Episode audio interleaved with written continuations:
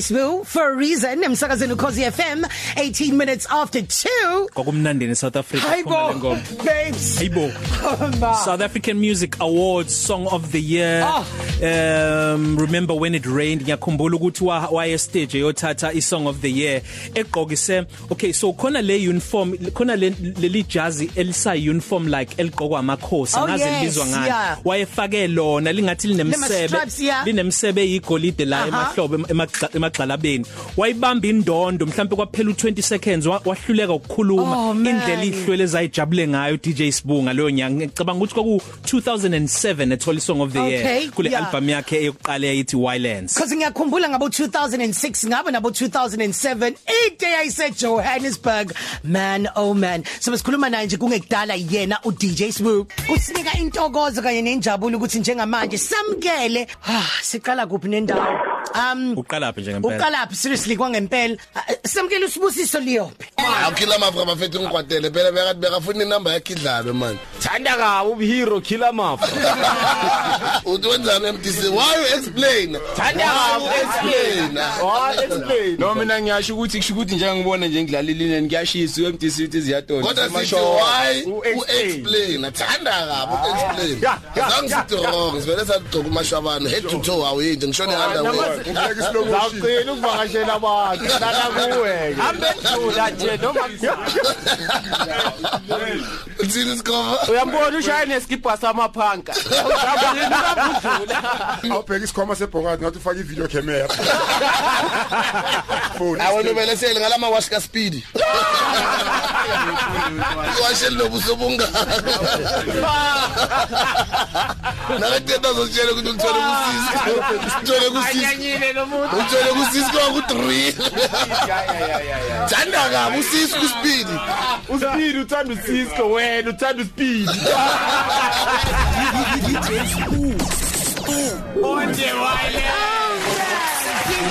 Underwire samkele DJ DJ Smoo. emsakazeni ukhosi FM sithi welcome back. Yes. Sekhaya ngiyohlala ngibuya njalo ngiyabonga. Sanibona nitani siyaphila thini njani wena?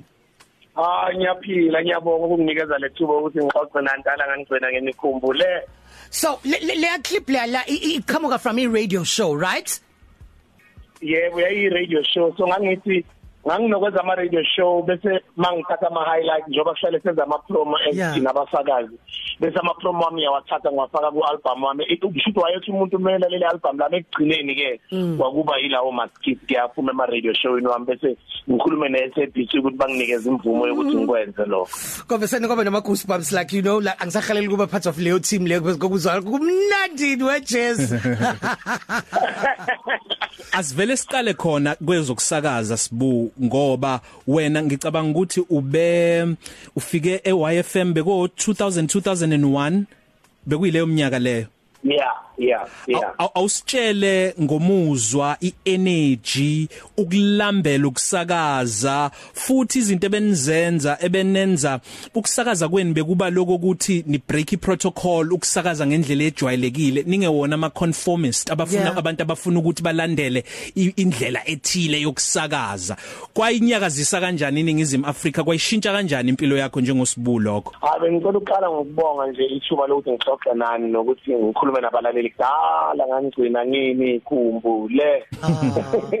So ngiyabonga nje. So no- njoba nidlala lawo ma clip nje nami engqondweni yami kuza nje lawo ma memories you know inkathi yahamba nangibheka manje ukuthi you u2007 nakwenzakala lawo ma show it's already 14 years ago.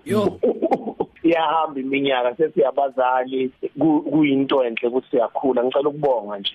Um ukusakaza ukuthi sifake isiZulu nesintu nesosital kuma radio station wethlungu kwaqalwa u- ukhabzela. Ngoba sasijwayele nje ukuthi uma ufuna ukuzisuthu uzasizwa kuliseli uma ufu- ufuna ukuzisitswana uzasizwa kumtsweking isiZulu ku- ku- kwakuyi radio Zulu ngalezo inkathi ngakabukho and then isuthu uzasizwa kuliseli isipedi uzasika kanjalo kanjalo. So ukhabzela waye umuntu oqala ukuthi axoxe noma asakaze ngathi uhleli nabantu ekhoneni. Ingakho ukhabzela icareer yakhe ya take off wablower and ngiyakhumbula unfortunately ukuzoze ashone akalale ngoxolo lapha khona. Ukuzoze ashone kwakuneyingxoxo ezokuthi alethwe kukhozi FM wayezosebenza kukhozi. So mina ngangumuntu owayewumlaleli kaKhabzela ngangikhuthaza uKhabzela ukungena emsakazweni nje ngangumuntu okhula elalela abo abomama Malindi kaNtuli abo babhodlo ngangilalela abo bamkhansa semixhunu babhodloza naye umphefumulo wakhe awulale ngoxholo lapha khona. Yibo bonke abantu abangikhuthaza ukuthi ngene emsakazweni. So nami ngayitshela ukuthi hayi nami nangena ngifuna ukuxoxa sengathi kuhlele khoneni angifuni ukukhuluma lesilungu sengathi maye ngikude nabantu ngifuna ukufana nabo labo bantu ngixoxe njengabo ngangingazi ukuthi lokho kusakaza kwami that style will will will will break me through into becoming the DJ Sbu enguyena namhlanje. Awusitshele ngale phone call lo cingi la ngena liqhamuka kubaphathi bokhozi FM bekutshela ukuthi sicela ukuthi uze nawe uzoba part of le team noma part of lomndeni omkhulu kangaka. Because ngiyakhumbula khathi uzoqala uyenze ishow ngomsombuluko kwi friends like these. Wabatshela bonke ama breakfast show host ngaleso sikhathi. Ngiyakhumbula wamtshela uRude Boy Paul ku why wathi ayeye kuzoba nzima. Watshela uBad Boy T ku Metro wathi ayeye uyo wabatshela bonke wathi lalela. Kusazoba ntswemi kwafikwa nesiqubulo esithi sishaya kwasana yeah. Yeah yeah. Ah, yo na ungikhumbuza leyo mcabango nangicabanga nje um ngiba emotional ngoba I think those were some of the best days empilweni yami. Kwakuyinto enhle kakhulu ukuthi uSABC ungifake kumabona kude nokuthi bangifonele bathi lalela manifana sicela ukubona sibe ne meeting nawe. So mina ngangitshela ukuthi mhlawumbe i-meeting ehambelana nento zomculo ngangingazi. Ngalezo nkathi ku marketing kwakuthiwa wenza u ubhuti umlamuli inxele. Yeah. Bamlamuli inxele no no nobhuthe yubabheki imsana majob yes babheki imsana programming. nobabhodloza um no sis um no sisibani konje ubongi magudulela kuwo no sisibongi yibo abantu abangihlalisa phansi batlalela mani mfana wami. Siyabona ukuthi you are doing well lapha ne YFM kodwa manje sifuna ukukuthuthukisa sifuna ukuthatha sikubeke ezingeni eliphezulu uzosakaza emsakazweni oyidlula zonke nje la emhlabeni jikelele. Sonke siyazi ukuthi ukhozi is the second biggest nation emhlabeni and it is the biggest station eAfrica jikelele kuyo yonke icontinent. So ngangingakhola ukuthi nakhona ngizoyenza ishow enkulu babe ngifaka ntambama ubutlinda sibiya wathi kumina hayi nokuphuma kuwena sibu ufuna ungena ekuseni noma ufuna ungena ntambama ngoba mina ngiyakwamukela la kukhozi futhi ngizokunceda ngizokuncedisa nokuthi usakaze kanjani nokukufundisa isizulu nokuthi usijwayele nokuthi ujwayele nabalaleli bethu. Bengisavumelana nobutlinda ngathi okay mina ngathanda ukuya ekuseni wathi yena uzoya ntambama saqala kanjalo. Kwashintsha kakhulu impilo yami ukungena kukhozi. Namhlanje abantu basangitshela ngezinto ngangizisho kukhozi. Oh uhlelo lakho wawulivula ngomthandazo sibu okwakuyinto entsha ikakhulukazi kwi radio enjengalena kwishow ebizwa ngeshow enkulu. Kwaqala into entsha ekutheni kuthandazwe emva kwalokho kwalandela ama motivation yini yayikholela kulokho? Unobudlelwane obungakanani noNkulunkulu nomdali wakho bukulelele kuphi empilweni yakho? Yebo mina vele ngumuntu wenkonzo kodwa njengawo wonke umuntu omusha um sikhulele enkonzweni beda nawuqala uba musha uba i-teenager uyitshela ukuthi uyaqala uyahlakanipha lapha ugcwala istrati bese uyaqala ubaleka inkonzo.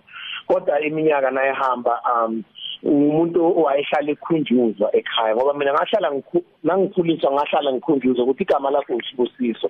Ukuthi uyisibusiso kanjena kusho ukuthi kumele ulandele igama lakho. Kumele ukhulu ulandele igama lakho ube yisibusiso ubusise abantu abantwana ngezibusiso zakho. Kanti ngangingazi ukuthi ngizobusiseka kangaka ukuthi ngibe so successful ku entertainment industry. Umthandazo into ebaluleke kakhulu empilweni yami into engikhulise ngayo into engiphila ngayo mihla namalanga. Nanamhlanje ngisaphila ngayo ngithuma emndenini othandazayo umama wami umama othandazayo. Um ngiwayenzile amaphutha njengawo umuntu umuntu omusha. Uma ngisakhula ngisemncane noma mhlawumbe ngingena kuma 20 even another time ngingena kukhozi ngidume kakhulu eSouth Africa ngishaya umculo owina ama awards ngapha ngisemsakazweni ngapha ngibo friends like these ngidume kakhulu. Ngangiwenza amaphutha ngoba ngangithethe mncane ngangithethe musha kodwa ukubuya nganeno kwakubaluleke kwakubaluleke kakhulu ngoba uma wahlale ngikhumbuza nje ukuthi hayi manje awuyeke into ezisnacks yabona uma bahlale babhala ngayo emaphepheni ukuthi uspeeda nezimoto izinto ezisnacks awukume kancane sibuzo awukhulisanga kanjalo uyahlaza la endlini. Awusithe okay so so busaqhubeka no bengisaqhubeka ngithi futhi ukusebenza kukhozi bangifundisa a system called the thematic approach. I-thematic approach ngamanye amagama kusho ukuthi ama-show wethu sasiqala unyaka. Siplan i-show for the whole year. Yeah. ngojanuwari senza lokhu ngofebruwari senze lokhu ngomarch senze lokhu and then kulo januwari ujanuwari unamaviki amane kulamaviki amane iviki lokuqala senza lokhu iviki lesithu senze lokhu that is called the a theme a thematic approach. Isakhona. yiyo ke engayifunda kukhozi if there's anything engayisho ngithi ngifunde kukhozi it's a thematic approach nokufunda amasiko nokufunda nje u- umlando wakwaZulu. Into eziningi nje enganithi ngisebenza nje ngise KZN ngiphile KZN ngihlala khona ngayifunda. Namhlanje i'm so grateful during all those years ngale mfundisi engayithola ngisebenza kukhozi isakhona namanje indawo zama thematic approach la khona sihlela khona njalo khuleka nje. Eh, usasho nje kanjalo bo producer because asithembe ukuthi seniwathumelile ama weekly plans. Yes, yes. deadline 12 o'clock today. Asithembe seniwathumelile. Sengimani ngiyayisho After two DJ Smuso besikhuluma ngesikhulume nawe. Sisiya kwezemidlalo kanye nesiphama vuso wesiphana awangilontsha mgo Bengicothu isho soba u2 Hawu sorry ngibhizi ngicabanga umbuzo engizobuza. Hayi, ukuthi ngiyakubonga. angisekho nje ngiyaxolisa. Sibu i- i- is- Yebo. i-album yakho yokuqala iWiolence uh, volume 1 wayikhipha uvele usuku insebenziswano business partners no TK imvamisa sivamisa ukubona umculi aqale ayenze bese yaphuma bese kuyima ayiqalela into yakhe. Okusho ukuthi wena umculo awuzange uzubone nje njengento yokuthi ngifuna ukuduma ngibe nemali ngibe umculi kodwa ngifuna ukucula kodwa futhi ngiyimele ngibe usoma business wawuyifunde kuba leyo nto? Um eh umbuzo omuhle kakhulu loyo because kwakuyi argument lobele siphikisana nomndeni wami ukuthi ngingene emculweni. Ngangifunda eh what what is now called the University of Johannesburg. Ngangifunda eVestech um abazali bami bari ngafuna ukuthi ngingene ku entertainment babeyitshela bafuna ukuthi ngibe engineer angiqede isikolo ngingangeni emculweni. In- ingani bengafuni ngingene babengafuni ngingene ngoba umalume wami wayemculi odumile wayewumculi odume naphesheya ahamba umhlaba jikelele eperforma all over the world. Wa- ubaba umuntu Simon Nkabinde makalale ngoxolo lapha khona. I-stage name sakhe kwakumahlathini wayene band babethi imahlathini and the Mahotela Queen. Oh ivoice iphimbo lakho liqhamuka lapho vele lesihosho yebo yeah yeah oh lo lo. Oh yeah. No yabona so umalume unfortunately waye waye- wathi mayeshona unfortunately kubhlungu ukuthi wayenza ama headlines ngokuthi washona enganamali. And eh, wa- wasiphatha ka- kabuhlungu kakhulu lokho emndenini um nezihlobo zasekhaya. And mina ngangithi nangena ku entertainment bangidiscourage abangafuni ngene so ingakho ngathi nangena ku entertainment i already had a mindset eyokuthi angifuni ukungena emculweni bangirobha imali noma ngingena emculweni ngenza amaphutha ngemali yami bese ngicina ng- ngishona nginganalutho so i was always conscious. Yeah. kodwa umculo kudala ngawuthanda ngawuthanda from sisadijaya ngama record ama vinyl sisadijaya ngama cassette la ngasasiwa rewind ngeball pen yellow bathi fine point. Yeah. um ngisawulalela ekhaya sisalela ama top 20 sisalela ama top 40 sisalela abo sisalela abo number 1 1 Kansas City. Yeah. Uh, so umculo wakuyinto engiyithanda ngangiyithanda vele ngenhliziyo yami yonke. Kodwa ngangingazi ukuthi singayiqala i-record company u-TK owangitshela ukuthi yazi ukuthi une talent mfowethu. Singaqala sihlangane sobabili siqale i-record company kodwa imali asinayo. Ah sasinama 8 years nje kuphela and uTK waye understand i-industry ngoba wayesebenzela ama record label. Ngoba mdala mdadlanyana kunakimi uTK is 7 years older than me. Yeah. ngangithi mina nangina 1920 ngizongena ku industry yena kade sekanabo ma 25 so wayehlakaniphi wayesehlakaniphila ne experience ku industry so sathi nasingena wangibonisa ukuthi imali so yenza kanjani as a record company nokuthi singaqala into ethi sizenzele kodwa kwakuzima ukuqala ngoba sasinganayo investor lakhili umuntu owaqala wa investor wa believe kuthina and artist lethu lokuqala umapapusi nomzekezelo kwakuwubhutland icompany yakhe khona manje bayibiza ukuthi mother load at the Yeah. time they used to call it ighetto rough ulanti wa investor i100000 rand ku TS Records. Baqala kanjalo ukusebenza Yeah. Um ni- ukhathi ningena ku TS Records nifusenifuna ke kuyisungula. Of course wonke umuntu mayingena ebusinessini uba khona ivision, kuba khona la afuna ukuthi uye khona. Yini nina nifuna ukuyishintsha? Aw noma nanibone ishoda kuwona lo mkhakha eh wezomculo ngaso leso sikhathi. ngaleso sikhathi kwakuyi what they call ngesilungu ipheqelezi i-independence. Independence ngamanye amagama kusho ukuthi ukuyimela. Ngaleso sikhathi wonke umuntu wayesafuna ukusayiniwa ngisho abanye basayijwayele leyo culture ukuthi umuntu nomuntu ufuna i-record company ufuna i-record deal. Thina sangena sathi no cha sifuna ukwenza into yethu sifuna ukuyimela sifuna ukufunda ukuthi yenziwa kanjani lento kodwa sifuna ukuzenzela siyimele. Um lathi lingangithole vele ipartner ukuthi kwakuumuntu ongathanda ama camera noma ama microphone umuntu ongaphikisani nathi ukuthi naye ufuna ukuvela emavidweni no cha. Kwakuwumuntu owazi oyaziyo owayilazi ikhono lakhe kwaku TK loyo. Uyu umuntu owayengifundisa ibusiness sasithi nasema meetingini ngangihlala njengempukane ebondeni ngivele ngithulele ngilalela uma negotiate ama deals nabokhozi negotiate ama deals nabo musica ngalezo inkathi kwasekukhona abo reliable music warehouse. Kusakhona itolo eziningi ezayithengisa ama ama CD nama cassette look and listen. Ngokuthi every time uthi ke menza ama meeting ngangilalela mina ngangifunda. Ingakho namhlanje ngikhona ukuthi ngiyimele kanje. So kodwa ngangena ngiconscious ngomculo and ngathi nangiqala vele iphupho lami kwakukuthi ngifuna ukuthi simele sikhulise ibusiness lethu. Ingakho into engayifunda emculweni ngayitshela ukuthi noma sengithumele emculweni ngizokhona ukuyimela ngiqala amanye amakhampani. Abantu nanisebenza nabo babe babevelela kulelo khona lento ayenzayo. Khathaleki uproducer umjalifa noma uRobbie Malinga nabanye umculo weafropop untando noma unhlanhla ncinza abaculi bekwaito umzekezeke izinyoka seshman noma isoulful R&B ulungelo njalo njalo babe babaningi. Yini le yayiqikelela ukuthi la ekhona umuntu la sebenza khona? Ngamshiya kanjani uZahara? La ekhona umuntu okhona kulelo khona lakhe eTS into ivele ivelele ibe yigolide. Um sasibhilivela ekutheni lo kuuye osematheni manje eh, ngenkathi zamanje bayibiza ukuthi cloud otrendayo. Yathi into trendayo lo kuuye otrendayo. Kumele athathe laba abanye abangaziwa abalethe ku spotlight sakhe. Basisebenza kanjalo. Umzekezeke saba nenhlanhla umapaputhi wa trend umapaputhi safaka umzekezeke umzekezeke wathola ukutrenda. Obviously ngalezo nkathi yayingekho i-social media nangikho i-trend ngamanye amagama ngisho ukuthi wayenempumelelo he was doing well. Waduma wathi mapaputhi when he was doing well ngabo abobana baphumlise njalo ah sasebenzisa leyo success kamapaputhi ukintroduce umzekezeke umzekezeke wathi nakaphumele sesebenzisa i-success kamzekezeke ukufaka uBrown. uBrown wathi nakaphumele sesebenzisa i-success kaBrown ukufaka untando. Kanjalo kanjalo all the way to abo pro abo bricks makalale ngoxolo lapha khona umngane wami usiphiwe Mpamela uBrown Dash. Akalale ngoxolo uLinda Mkhize uPro abafethu esasebenza sonke all the way to usisi wami uZahara. Senze history sonke senze umsebenzi omuhle kakhulu. And uh, nangikhuluma ngoZahara futhi nabo abo Brown ngifuna ukuadd njoba ngithole nalethuba lokuthi ngibe ukukhozi ukuthi kubhlungu sometimes ukuthi kukhulunyiwe amanga bese amanga yaqoquzela kuba sengathi iqinile. Into esayenza sonke sasebenza kahle sonke sanakekelana sonke senza imali sonke akekho wathathela omunye imali awekho akekho owantshontshela omunye imali kodwa sonke sancedana saba yilento esaba yiyo and then unfortunately ke njoba sesila ku 2021 abanye abasaphili namhlanje abasekho ukuzoyikhulumela. Kodwa into enhle ukuthi senza umlando eSouth Africa we made history together.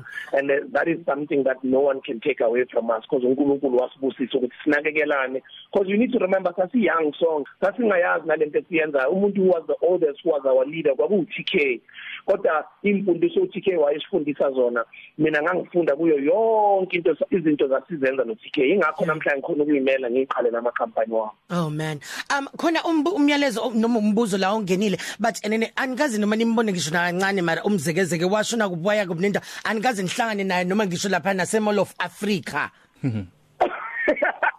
Hayi hayi hayi or noma anisina noma inamba ye WhatsApp. Ke an WhatsApp at least naye ke bathi ubani umzekezeke uwa yakhumbula umzekezeke yakhumbula interview Jarul. kodwa ngithi my sometimes bathi abanye abantu they are ahead of their time? Yeah. Wayethi umzekezeke nakanitshela ukuthi uPetrus Motsepe umzekezeke uJacob Zuma umzekezeke uObama umzekezeke into sasizama ukuyichaza lapho ukuthi umzekezeke unoma ubani umzekezeke wayenganalo italent lokucula wayenganalo italent lokuthi he looks like this une six pack. Wayengumsebenzi nje wayegcokela overall njengoba ubona iEFF yenza bayigqokela ama overall yeah. for example noma abasebenza abasebenza ku contract kodwa when it comes to umculo wakhe umculo wakhe wawuphezulu wayenza ama hit wayephumelela. Umlayezo sasizama ukucommunicate no TK ngomzekezeko ukuthi noma ubani umzekezeke it does not mean ukuthi kumele uzube ne six pack kumele uzube muhle kumele uzube umuntu othile ukuthi uze uphumelele. U right ngabe way ungakhona ulobele unjalo. And uma ubheka khona manje soku 2021 sokuwumlayezo ukuthi njengoba i-internet seyinkulu sokugcwele umhlaba wonke lo mlayezo ukuthi you are enough the way you are. That's what we were communicating. And to show ukuthi he was ahead of his time. Wonke umuntu mayesekagqoka imask umzekezeke into ayenza 20 years ago. Angithi uyazi ukuthi uzandile ulalele so kwi Snoop session sobiza wena umethi guys i-interview yayinde kangaka. Ngiyaxolisa ngiyaxolisa kuleka kumnandi mfowethu. Billionaires under construction the mindset of an oh. entrepreneur 2017 the art of hustling sell or surrender. DJ Sbu more fire. Isiphuzo lesi esinikeza umfutho nesikhuthazayo singabizwa ngeenergy drink.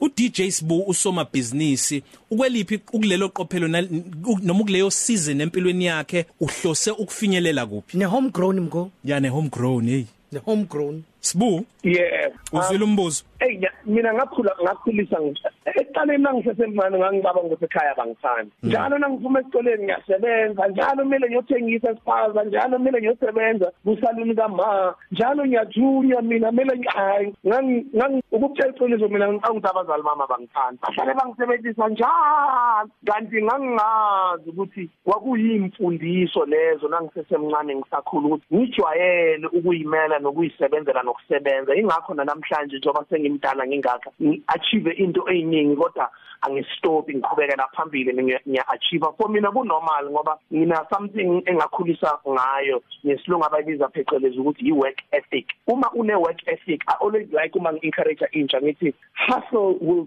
always beat talent when talent doesn't hustle. Ngamanye amagama kusho ukuthi noma ungaze ube muhle kanjani noma ungaze ube talented kangakanani kodwa uma ungayimiselanga ukusebenza uma ungayimiselanga ukufaka umsebenzi uma ungayimiselanga ukungcola ungcolisa ugqoka overall ungene emigwaqweni ungene usebenze uyisebenze into oyithandayo mihla namalanga angeke ungeke uphumelele. Akekho umuntu ozokulethela impumelelo ezandleni zakho. Into ukuthi ngicommunicate encwadini zami leyo nokuthatha zonke into esazenza emculweni impumelelo nokufaila nama failures wami. Into engaba transparent ngazo ngayibhala encwadini ukuthi i knew ukuthi there would be a new generation ezoza ezofuna ukwazi history ezofuna ukwazi ukuthi how did you guys make it? How did you guys get to the top? Ingakho ngibhala incwadi and ingakho futhi ngishare information kuma YouTube wami kuma website wami nasencwadi nalezo incwadi mangiyibhala ngibanika mahala abantu. Abavila phaya ukufunda ngize ngiyabafundela ngenza ama audiobook ngibanika mahala lawo ma audiobook mabafuna bangawathola ku website yami ku djsbu.co.za khona manje I'm busy ngisebenza kuma radio courses okufundisa abantu ukusakaza ngiyabafundisa ukusakaza bafake emsakazweni abafuna ukwenza imali ku internet ngizobe ngilaunch ama courses amasha inyanga nayiphela ku YouTube yami YouTube yami DJ Sbu TV Mhm. ngizobe ngibafundisa mahala ukwenza imali online Nice man. Enkundleni zokuxhumana at DJ Sbu live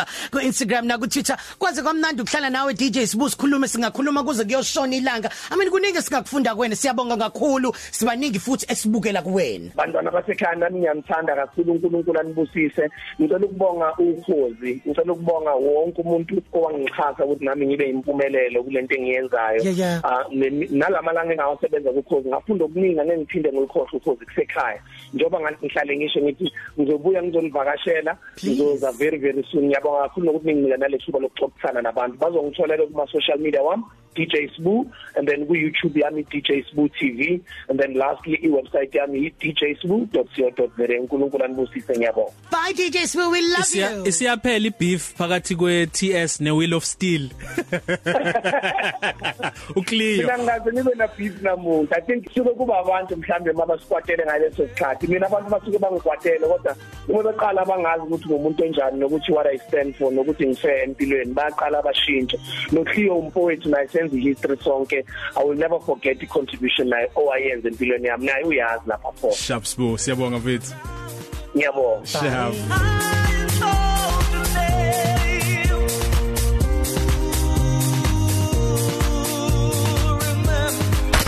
Twelve to three cafe.